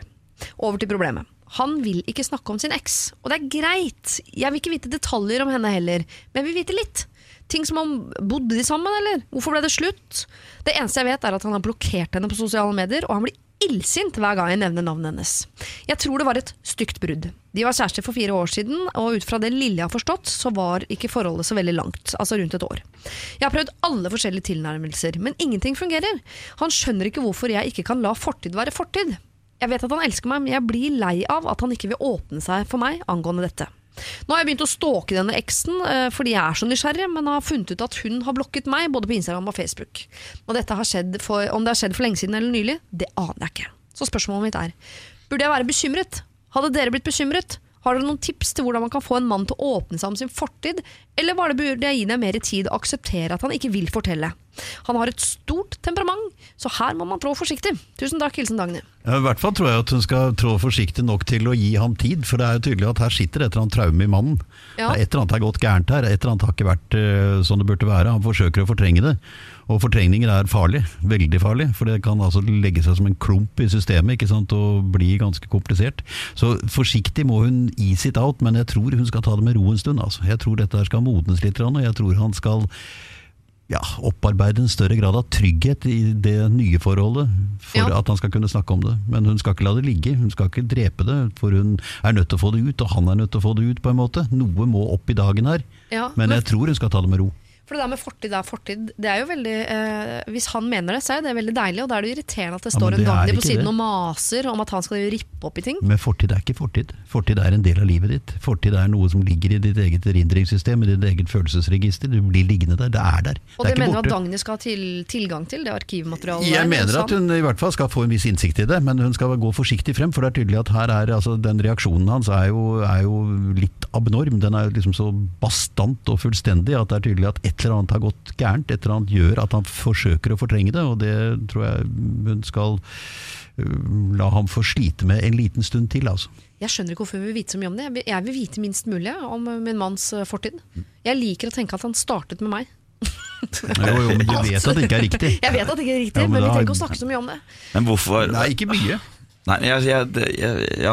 er hun redd for at uh, det, det kan virke som for, for meg, er at hun er redd for at siden det, er, det bringer så sterke følelser på banen, at hun tenker at han har følelser for eksen enda. Og så får hun ikke noe svar. Uh, altså Det er den derre uh, ja, Hvis du hører på den Marit Larsen-låta 'Under the Surface', det er litt, det er litt den der Altså du, du føler at du må, du må vite, og jo mer han holder tilbake, jo mer må du vite det. Også, men er det der problemet ligger, da? At Ja, for det kan jo være som alle altså, Hvis det er noe som ikke noen vil fortelle, så tenker jeg at det er vel i så fall fordi det er noe der jeg burde vite, egentlig. Det er vel derfor hvis ikke så jeg, jeg skjønner når du skriver 'burde jeg være bekymret', så tenker jeg ja, litt grann bekymret burde være. Fordi også i de fleste veldig sånn dramatiske brudd, stygge brudd, så ligger det masse følelser. Jeg vil si at jeg ville vært mye mer rolig om jeg var sammen med en mann som uh, i sitt forrige forhold de bare vokste fra hverandre. Ikke sur på hverandre, kanskje til og med ha litt kontakt. Det, er derfor jeg følelsen mener at du må, det er derfor jeg mener at du må la tiden arbeide litt for seg. Altså at den tar det litt rolig. For at eh, det er jo tydelig når han lukker seg så til de grader intenst, så er det, er det et traume et eller annet sted her, som ikke er uh, enkelt. Men har hun ikke da ikke krav på, burde hun ikke kunne forvente noen svar i forhold til for det hun er redd for, er at å ja, så når dere slutter å være sinte på hverandre, så, skal dere, så blir dere sammen igjen, eller åssen er det egentlig? Jo, men du kan, ikke, du kan ikke bruke logikken i en sånn situasjon. Du kan ikke appellere til ham med logiske midler. Du er nødt til å erkjenne at der ligger et følelsesmessig grunnlag som hun er nødt til å nærme seg på en annen måte enn med, med logikk og tradisjonelle midler. Hvordan skal vi få Dagny, eller hvordan skal vi Dagny få eh, typen til å åpne seg, da? Ja, ved å gi ham eh, trygghet og la forholdet utvikle seg. Vi bare gi det tid. Litt tid, ja. Jeg tror det. Jeg ikke tror det, jeg er helt sikker på det. Du er helt sikker på det? Ja. Men det er ikke derved sagt at hun ikke skal ha som målsetting at hun får dette her ut. For det, det er klart at du kan, ikke, du kan ikke leve et liv med lik i lasten. Jo, men hva er tid da, på en måte? For jeg tenker sånn, Hvis han først nå på en måte har øh, øh, sitter med inntrykk av at Dagny maser. Ikke sant? Dagny maser. Han er drittlei av Dagny maser. Så han har gått helt i lås. Og så kanskje Dagny ikke maser i ja, la oss si fire-fem måneder. Og så spør Dagny plutselig en kveld igjen. Du, hun eksen. Men er det, nødvendig, er, det nødvendig, kjære deg, er det nødvendig å mase? Er det nødvendig å stille spørsmålene så konkret? Kan du ikke få ting ut av mennesker ved å nærme deg dem på litt Jeg vet, andre tror hun måter? har mast allerede, for hun sier jeg har prøvd alle tilnærmingsmetoder her. Så det er tydelig at altså, Dagny har spurt. Jo, men spurt altså, og gravd og vet hun hva alle tilnærmingsmetodene er? Nei, kanskje det er flere. Ja, jeg ville tro det. Altså, jo, men altså, ikke sant? Istedenfor å dundre bardus på ikke sant? og fyre av kanonene og stille sånne konkrete spørsmål 'nå vil jeg vite at', 'nå må du fortelle meg at', osv., så, videre, Ja. så er det forskjellige måter å, å, å pense dette frem på eh, ut fra situasjoner, ut fra Ja. stemninger, ut fra andre typer samtaler. Du kan stille et lite forsiktig spørsmål slik og sånn, osv. Jeg mener ikke at hun skal gi det opp, men jeg tror hun skal gi det tid, og jeg tror hun skal opptre altså betydelig klokere enn det du antyder nå, med å komme med sånne bastante spørsmål om det. For det er tydelig han, han skjuler det jo. Og kanskje han vil jo bare utløse også- låsemekanismene hvis hun går på på den måten. Så, Ja, For det er en ting vi har glemt å, å nevne her, som gjør at det kanskje det må enda mer tid til. Det er jo at de lever i et avstandsforhold. Og hvis det er vanskelig nok for folk å få eh, kommunikasjonen opp og stå, om ikke man skal ha eh, avstand i desto større grunn til å gi det tid. Og, ja, og la, det, la det modnes litt, grann, i hvert fall. Jeg vil bare ha en replikk på slutten i forhold til om dere er enige med meg om at eh, styggebrudd er skumlere for den nye dama enn uh, fine brudd. Er du enig, Stian? Jeg er enig. Ja. Ja. At det kan virke mer skremmende, ja. Ja. Ja. Det tror jeg nok. Ja. Det tror, tror jeg helt sikkert. Men Så på- desto større grunn er det jo til å ta dette litt mykere. Så på spørsmålet bør jeg være bekymret? Du bør være litt bekymret. Og når det er sagt, ja du skal være bekymret, så skal du i tillegg oppå bekymringen, som vi nå sikkert har gjort verre enn den allerede var, så skal du ha litt is i magen. Lykke til med det. I hvert fall ikke la bekymringen overvelde seg. Nei. Så gi det litt tid. Eh, Se om det er, noen tilnærmingsmetoder du ikke har brukt. Skjenk den full. Eh, Skjenk den full. Se an situasjonen. Er det andre veier inn? Eh, Men i hvert fall bare prøv å ta det litt med ro, samtidig som du er bekymret. Det er kjempelett. Høres ut som Lykke en bra blanding. Siri og de gode hjelperne. Og fra det så skal vi over til et problem som dreier seg om eh, det engelske språk. Eh, Stian, føler at, uh, Stian Staysman er min gode hjelper i dag. Føler du at du behersker engelsk godt? Det er veldig østfoldengelsk. Ja. Men jeg føler jo at jeg, jeg gjør meg forstått i utlandet, for at jeg tør å snakke østfoldengelsk. ja. Og derfor så føler jeg at det ja. Behersker engelsk godt. Nei, ja. Christian Borch, eh, jeg ser for meg at du snakker sånn uh, britisk. Sånn, sånn, Ja, det vet jeg ikke, men jeg, jeg snakker jo like mye på engelsk som jeg snakker på norsk. omtrent. Jeg foreleser på engelsk, jeg deltar i engelske programmer. Jeg, ja. Ja, jeg har brukt det både muntlig og skriftlig et langt, langt liv. ja. ja, for jeg Eh. mister meg selv på engelsk. Jeg kan godt gjøre det, men helst ikke med andre nordmenn til stede. Jeg blir sjenert og føler at det har, jeg kan godt gjøre meg forstått, men jeg er ikke morsom på engelsk. Og da er hele mitt vesen ubrukelig. Det var en kategorisk erklæring! Jeg, kan, jeg kan skjønne at man kan miste personligheten sin eh, på andre språk, og det er det som er problemet til Muriel. Hun skriver nemlig at engelsk er morsmålet mitt, så jeg snakker for det meste engelsk med venner osv. Jeg kan jo snakke norsk, men jeg er ikke like sjarmerende, if you know what I mean. Så til problemet. Mannen jeg nå dater, er ikke så veldig flink til å snakke engelsk. Jeg vet at det ikke er snilt å si, men det er sannheten. Han sliter med å komme på ord og formulere setninger, så han mister på en måte sin sjarm. Jeg håper uh, at det blir mer kjemi med oss etter hvert, Uh, og i hvert fall hvis vi begge kan snakke våre mors mål. Jeg har en dårlig vane med å fullføre folks setninger fordi jeg ikke takler pinlig stillhet. Uh, og så blir jeg lei til slutt. Så hvordan kan jeg spørre han om ikke han kan snakke norsk med meg, uten at jeg sårer han? Jeg håper dere har noe fint jeg kan si til han. Kall meg Muriel. Altså, De har jo det samme problemet. Muriel er mest sjarmerende på engelsk. denne fyren er mest sjarmerende på norsk. Og det, hun vil si eh, hun vil Kan ikke, de, kan ikke de ta et franskkurs? Kan finne de et felles ikke-naturlig språk å snakke? Og sitte og snakke fransk til hverandre? Ja. Det høres ut som noe man skal gjøre på andre siden av baren og alt de tingene når man, har, når man har masse altså, tid jeg- til overs. Jeg, jeg, driver og kjemper med det der selv, jeg. akkurat for tiden. Ja. Prøver du å lære deg fransk nå? Nei, jeg, kunne jo fransk, da, men det er liksom ikke helt uh, hva man kan kalle helt uh, perfekt, for å si det veldig forsiktig. Ja. Men øh, hvis du da prøvde å snakke fransk med din kjæreste, og hun sa sånn Dropp det franskgreiene, Christian. Hold deg til norsken, er det grei? Hadde Hun er, deg? hun er filolog og pedagog, blant annet. Hun er lingvist. Så hun ikke har sagt det på den måten? Jeg blir korrigert, da, av og til, for å si det sånn. Ja. Og det takler du fint. Ja, jeg må jo det. Ja. Åssen ville du takla det, øh, Stian? I will answer this in uh, English? my English. Nei, nei, jeg skal ikke det. Uh, nei, altså Det som jeg syns er litt rart her, er jo at hun Altså, Han er dårlig til å snakke engelsk, og da mister han sjarmen. Mm. Og hun snakker eh, engelsk. Ja. Men Når hun snakker norsk, mister hun sjarmen. Dette her høres ikke greit ut. Nei, det blir De må velge én en som er sjarmerende, og en som ikke er det. Ja, men hvem er det hun falt for i utgangspunktet her? Han må jo ha kommunisert med henne kanskje på engelsk i, fra starten av, Ja. men hun syns ikke det er sjarmerende. Ja, Eller så tipper jeg at kanskje når de er alene, så snakker han norsk, men når hun er sammen med sine venner, og sånn, så slår han over på engelsk, for det er det alle de andre gjør. Ja, Og da mister han sjarmen, så får han folk, så blir han liksom Det tipper jeg, da. Ja. At du blir nærmest flau over han eh, når det er venner til stede. Dette er et tidsspørsmål. Om Altså, Han får tilbake sjarmen på engelsk. altså, Ja. Man kan greie å reetablere sjarmen sin på engelsk, for det er jo bare spørsmål om øvelse. Altså, Det er jo bare spørsmål om å snakke og snakke og snakke. Det er ikke noe annet. Men de har akkurat begynt å date. Det er litt tidlig at sjarmen skal forsvinne. Ja, men Det forsvinner ikke. Den blir liggende under sånn lett lyng en liten stund, men den kommer til å blomstre opp igjen med en gang man behersker det litt bedre. Det er bare et spørsmål om tilvenning, dette her. altså. Ja. Språk er en organisk prosess. Det kommer, det kommer. Når du slutter å tenke på det slutter å bekymre deg om det og dundrer av gårde, så kommer det etter hvert. Så Muriel kan ikke spørre han om ikke han sånn til kan snakke norsk til henne uten å såre han? Er ikke, er så ikke må hun svare engelsk da, for å bevare sin skjerm på engelsk til ham. Det blir jo veldig pussig, gjør ikke det? Er det spennende? Ja, kanskje. Jeg vet ikke. jeg. ja. Ja, men hvis han har lyst til å snakke engelsk, da, så la nå han snakke engelsk, da. Ja, altså jo mer altså, Ja. Norsk er greit, for så vidt, men det er liksom ikke så veldig praktisk i de internasjonale sammenheng. Men engelsk er liksom et språk alle kan, på en måte. Så du kommuniserer lettere i den store verden og omgivelsene rundt deg på engelsk, så han bør jo utvikle det. Ja. Så Jeg syns hun bør snakke engelsk med ham, og si at han bør snakke engelsk til henne også. Ja. Og så Det er jo tydelig at hun vet at han har hatt en sjarm på norsk, så kan hun kose seg med minnene om det. da, ikke sant? For Apropos vår diskusjon om fortiden i sted. Ja, ja. Muriel, prøv å fokusere på de tingene du syns var sjarmerende i utgangspunktet. Altså, beklager jeg, Vi har bare hatt eh, problemer fra folk som har mistet kontakt med egne foreldre. og sånn. Da klarer vi liksom ikke Her tenker vi bare eh, ta, Muriel, ta deg sammen. La, eh, altså, la fyren snakke engelsk, liksom. Det er ikke verre enn det.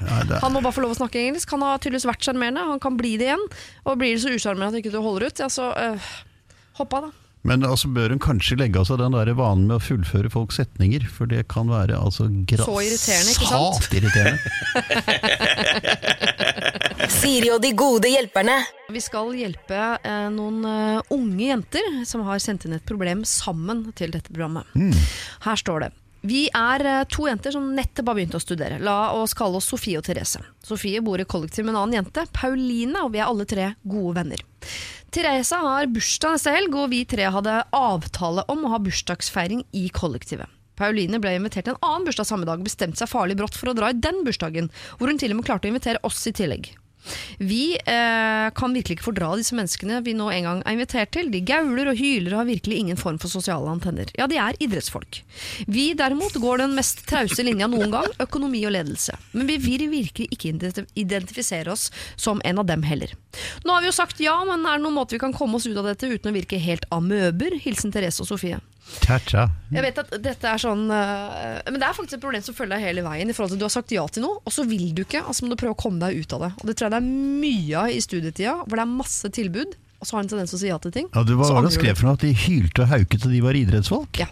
Akkurat, så det er altså, ja vel. Det, idrettsfolk hauker og hyler, altså. Ja, Det var ukjent for meg. Jeg trodde de var ganske ryddige og kjedelige folk på fest. Da, idrettsfolka, Men tydeligvis ikke. Kanskje det er ishockeylinja da på Ja, eller eh, for Ishockey. å nevne Bare for å ta et eksempel da, som er i vinden om dagen. Frank Løke. Ja, Ja. han er jo en idrettsmann som hyler og gauler. Ja. Men han vil du på fest med, vil du ikke det? Jo, kanskje. Kanskje I det, det. Innimellom. Eh, hvordan kommer man seg ut av en avtale, er vel på en måte spørsmålet her. Ja, Den der er jo altså øh, ikke grei, nei. Det er jo liksom litt vrient. Men det er jo spørsmålet altså om øh, den festen som da var det Sofie hun het, hadde dratt dem med på fordi hun er Eller Pauline, var det det? Mm, ja, Pauline, nettopp. Hun hadde altså hoppet ut av kollektivideen at bare de tre skulle ha en bursdag, og så sier hun ja til en annen bursdag for gang på mange og inviterer også de to venninnene med seg. Da betyr det at det er ganske svært. Ja. Og da betyr det antagelig overhodet ikke en skitt for det selskapet om de to øvrige kommer eller ikke kommer. Altså Frank Løke merker ikke om Therese og Sofie ikke kommer. Jo. Det var det jeg mener. Det kan være. For det kan være at eh, Pauline har takka ja, og så har, hvis det er et eh, idrettskollektiv bestående av menn, og så Ja. er det den kvinnelige, kvinnelige beholdningen til den festen, Mm. er det kollektivet. Og da er det jo krise. Jo, men Da er det krise på en annen måte. Det har i hvert fall ikke de to andre noe ansvar for. Altså, det, Nei, altså, overhodet Tvert imot. De burde da Ja, for det kan hende, og det er en slem tanke, altså, men det kan hende at dette idretts, idrettskollektivet egentlig ikke Det er ikke så viktig for dem om Pauline kommer, men det er innmari viktig at Therese er der. Oi, oi, verre Så hvis verre. Pauline kommer uten Therese, så er det jo helt Katastrofe for Pauline. Ja, det er litt katastrofe. Jo, men Da får Pauline ta det ansvaret, for det er jo Pauline som har lurt dem med på dette her uansett. Så hvis akkurat den problemstillingen er aktuell, så uh, tror jeg at uh, det er desto større grunn til at de to andre skal finne på noe annet. Så måten å komme seg ut av dette uten å virke helt amøbe, er bare eh, ikke si noen ting? Nei, du kan godt si noe, si beklager, men det, dette strider mot våre planer. Det var ikke det vi hadde planlagt. Vi holder oss gjerne til det vi opprinnelig gjorde, men gå du hvis du vil. Og jeg har veldig, veldig stor respekt for mennesker som klarer akkurat det der. Ja. Jeg har uh, en god venn som er kompromissløs på den tinga der. Sånn Nei, det her gidder jeg ikke. Nei, men du behøver jo ikke Altså, Nei, jeg- jeg har ombestemt meg. Altså, Hvis du sier 'det gidder jeg ikke', så sier du indirekte at dere er så jævla teite at det gidder jeg Jeg orker ikke være sammen med sånne folk som dere. Og det behøver de ikke gjøre. Men de kan jo sikkert bare si et eller annet om at nei, det var liksom ikke helt det vi hadde tenkt. Men jeg tror dere undervurderer også her uh, at det er tre jenter. Therese, Sofie, Pauline. Og hvis Therese og Sofie bestemmer seg nå, bak ryggen til Pauline, med at de ikke vil gå på fest Bak ryggen på Pauline. Det er jo Pauline som har bestemt seg for å gå på en annen fest bak ryggen på de to. Jo, men det er allikevel Det er én mot to her. Den dynamikken én jente mot to jenter. Man tenker sånn, Vi er tre venninner, ja, men det er tydeligvis et par innad i treergruppa her. Jeg ser at dere ser på meg med store øyne nå, men dette er reelt. eh, At jenter, Vi er ikke så gode på å være i, i gruppe. Da må Ikke vi være i flokk. Altså, eh, det tallet tre veldig vanskelig for jenter. Fordi Man vil alltid føle på om det er to som kjenner hverandre litt bedre, og det tipper jeg Therese og Sofie er nok eh, bestevenninner. Og så er de redd for å si fra til Pauline nå, vi vil ikke være med på den festen din. Fordi de vet at Pauline blir lei seg. Altså, så vidt jeg forstår så er det Pauline som plutselig har hoppet ut av det opplegget som de tre hadde opprinnelig. Ja, men de har jo sagt ja, vi blir med og hopper ut. Og så angrer de. Ja, Og så angrer de? Ja, ok. Ja. Ja, vel. Dette- Etter at de har oppdaget hvem det er som skal hauke og hyle? ja Etter at de hørte at Frank Løke skulle komme. ja, ja. Stakkars Frank. Stakkars Frank. Var du på Farmen med Frank, eller var det annen sesong? Jeg var på Farmen med Frank. Du var på Farmen med Frank, ja. Ja da. Mm. Det er, det er altså en bemerkelsesverdig mann når det er sagt, altså. Jeg har uh, Jævla god til å melke kuer sånn. Ja, men han er uh, Ja. Har du kjøpt noen av de Action-Frank-T-skjortene som han nå lanserer? Nei, det har jeg ikke gjort. Men uh, ja, han kan Jeg har snakka med han i etterkant av alt sirkuset. Ja. Og det han kan, er kunsten å gi F. Det Ja. kan han. Hva, hva er det unnskyld at jeg spør, men hva er det denne Frank Løke gjør? Altså, jeg mener, hva, hva slags idrettsmann er Frank Løke? Han var jo en utrolig god strekspiller eh, på håndballandslaget for noen eh, år tilbake. Strekspiller? Ja, spilte strek. Han var det? Ok. ja, Han er broren til Heidi Løke. som- Er han det? Ja. Ja. Ok. Ja, ja. Så Jeg trodde han var lav, det er han jo ikke. Han var bare Og- lavere enn de andre på håndballandslaget. Det er godt mulig. Mm. Ok, Nok om Ja. Frank Løke, Therese og Sofie. Eh, jeg forstår at dere syns det er vanskelig å skuffe Pauline, selv om det er hun som gikk bort fra den opprinnelige planen. Og dere lot som dere ble med, eller tenkte dere ikke godt nok om. Eh, og eh, Dere trenger jo ikke å såre henne på noen måte, og hvis det er sånn at dere vanligvis er to mot én, så må dere trå veldig veldig forsiktig, så ikke Pauline blir ordentlig lei seg. Men jeg tror dere bare skal si på en helt hyggelig måte at dere går tilbake til den Ja, opprinnelige for her har det i hvert fall en situasjon hvor det går an å tenke seg frem til en fremgangsmåte. Altså Her kan du planlegge en måte å gjøre det på for ikke å såre. Ja. Og det burde jo gå an. Og da må Men- dere trå forsiktig. For her, jeg tipper, jeg kjenner paulinere der ute. Det er en egen menighet, paulinere. Eh, og de er lei seg, så da må dere trå veldig veldig varsomt når dere nå avlyser denne festen. For det er lov. Siri og de gode hjelperne. Søndager fra to på Radio 1. Nå gjenstår det bare én oppgave for mine to gode hjelpere, som i dag er Stian Staysman og Christian Borch. Og det er nemlig å få lov til å dele ut hvert sitt handlenett. Men først skal jeg dele ut noen. Jeg deler ut et til deg, eh, Emma, som var usikker på om du skulle gå i bryllup eller ikke. Du ble invitert av din eh, barndomsvenninne og skjønner ikke helt hvorfor. Vi har sendt deg det bryllupet. Dit skal du gå. Du skal prøve å ha det moro på toppen av det hele. Eh, så sender jeg et eh, handlenett til deg, Maria, som har tysk kjæreste. Du skal flytte til Tyskland for å være sammen med mannen du har valgt. Det liker ikke mora og faren din. Vi liker ikke mora og faren din, eh, så greit er det. Så vi ønsker deg god tur til Tyskland, og så håper vi foreldrene dine kommer til fornuft.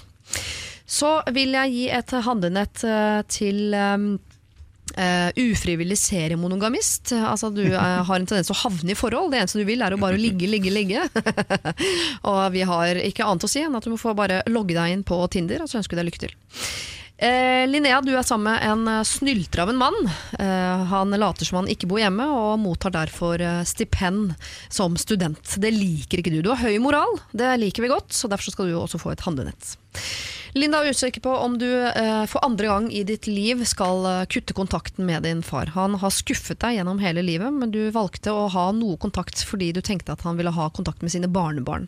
Der har han på en måte feila, og du er usikker på om du skal prøve å dra han eh, ytterligere inn i livet ditt, eller om du skal skyve han helt ut. Vi har vel egentlig sagt prøv å se om du kan finne en vei inn som ikke du har prøvd før, og fins det ikke, så kan du få lov til å gå videre. Jeg vil også gi et eh, handlenett til deg, eh, Dagny. eh, som er i et langdistanseforhold med en fyr som ikke vil si noe om sin ekskjæreste. Du lurer på om du har grunn til å være bekymret. Det har du. Men du kan ikke mase deg fram til å få informasjon heller. Her må du ta tida til hjelp og håpe at han på sikt vil åpne seg opp om nettopp dette. Muriel, eh, i rekken av problemer så er ditt problem at du har en eh, kjæreste som eh, ikke er like god i engelsk som deg. De, du har jo dette som morsmål. Han mister sin sjarm på, eh, på engelsk, og du har lyst til at han skal snakke norsk. Hvis du skal gi han litt tid, heller sørge for at han blir sjarmerende på engelsk eh, på sikt. Og til slutt så vil vi også sende handlenett til Therese og Sofie, som på en eller annen ydmyk og fin måte må fortelle Pauline at vi blir ikke med på fest med Frank Løke allikevel. Frank Løke er da et bilde på bråkete folk fra sportsbransjen. Eh, Stian Staysman, eh, jeg setter eh, dermed stafettpinnen over til deg og spør hvem du vil gi et handlenett til. Jeg vil gi et handlenett til Frank Løkke. Ja. Ja, og oppi der skal jeg legge selvbiografien min, 'How to become a norsk eh, superkjendis'.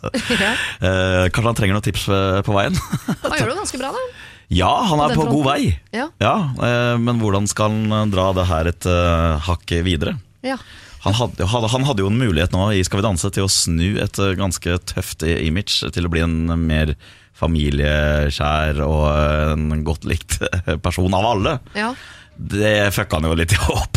så ja, så, ja jeg, han fortjener et nett med den boka, eh, som nå, egentlig, nå heter den jo 'Kampen for tilværelsen', for jeg bytta navn på den boka etter at jeg var med på Farmen. Gøy. Så kynisk forretningsmann er jeg. Hvis vi får tak i en gammelt eksemplar av boka, kan Ja. jeg føye til med sprittusj da eh, hvordan bli en godt likt norsk superkjendis. Ja. altså man kan finne inspirasjon der på akkurat det. Yes. Eh, Christian Borch, hvem har du lyst til å dele handlenett ut til? Nei, Altså, jeg er med på en, eh, på en utenrikspolitisk podkast som heter Du verden, som hadde stor suksess da den ble lansert for et par år siden, og som var ligget brakk en stund, men som ble relansert med brask og bram og fullt hus i går for åpen scene. Det var en strålende opplevelse. Så jeg har veldig lyst til å gi et handlenett hver til mine to, eh, mine to kolleger i, eh, i Du verden-redaksjonen, eh, nemlig Ingrid Salvesen og Stig Arild Petersen. Og oppi eh, det handlenettet så står det tre flasker champagne i, hver, i hvert. Oi, oi, oi, det er Og dere betaler? Absolutt, vi betaler Ja, ja, alt. flott, flott. Kommersiell kanal, vi har så mye penger, det er helt sykt. det var det der. Da blir det altså tre flasker champagne til hver av eh, de, og en bok til Frank Løke fra dere. Sleng opp en sjampis der og da. Ja, sleng opp en sjampis Ja. der òg. Ja. Har han godt av det? Nei, det tror jeg ikke, men ja. Nei. Det kan hende han trenger en flaske champagne for å komme seg gjennom boka. Hvem vet? Hvem vet? ja det tror jeg. Eh, Stian, du er jo aktuell med eh, nytt TV-program på fredag på NRK. Om en, eh, ikke en hel uke engang, en halv uke ca. Og eh, Christian Borch, du kommer med bok på Er det i morgen? Mandag? Altså, ja. Da ønsker jeg dere lykke til med det begge to, og så håper jeg ser dere igjen Det kan vi trenge. Takk skal du ha. Takk skal du ha. Siri og de gode hjelperne.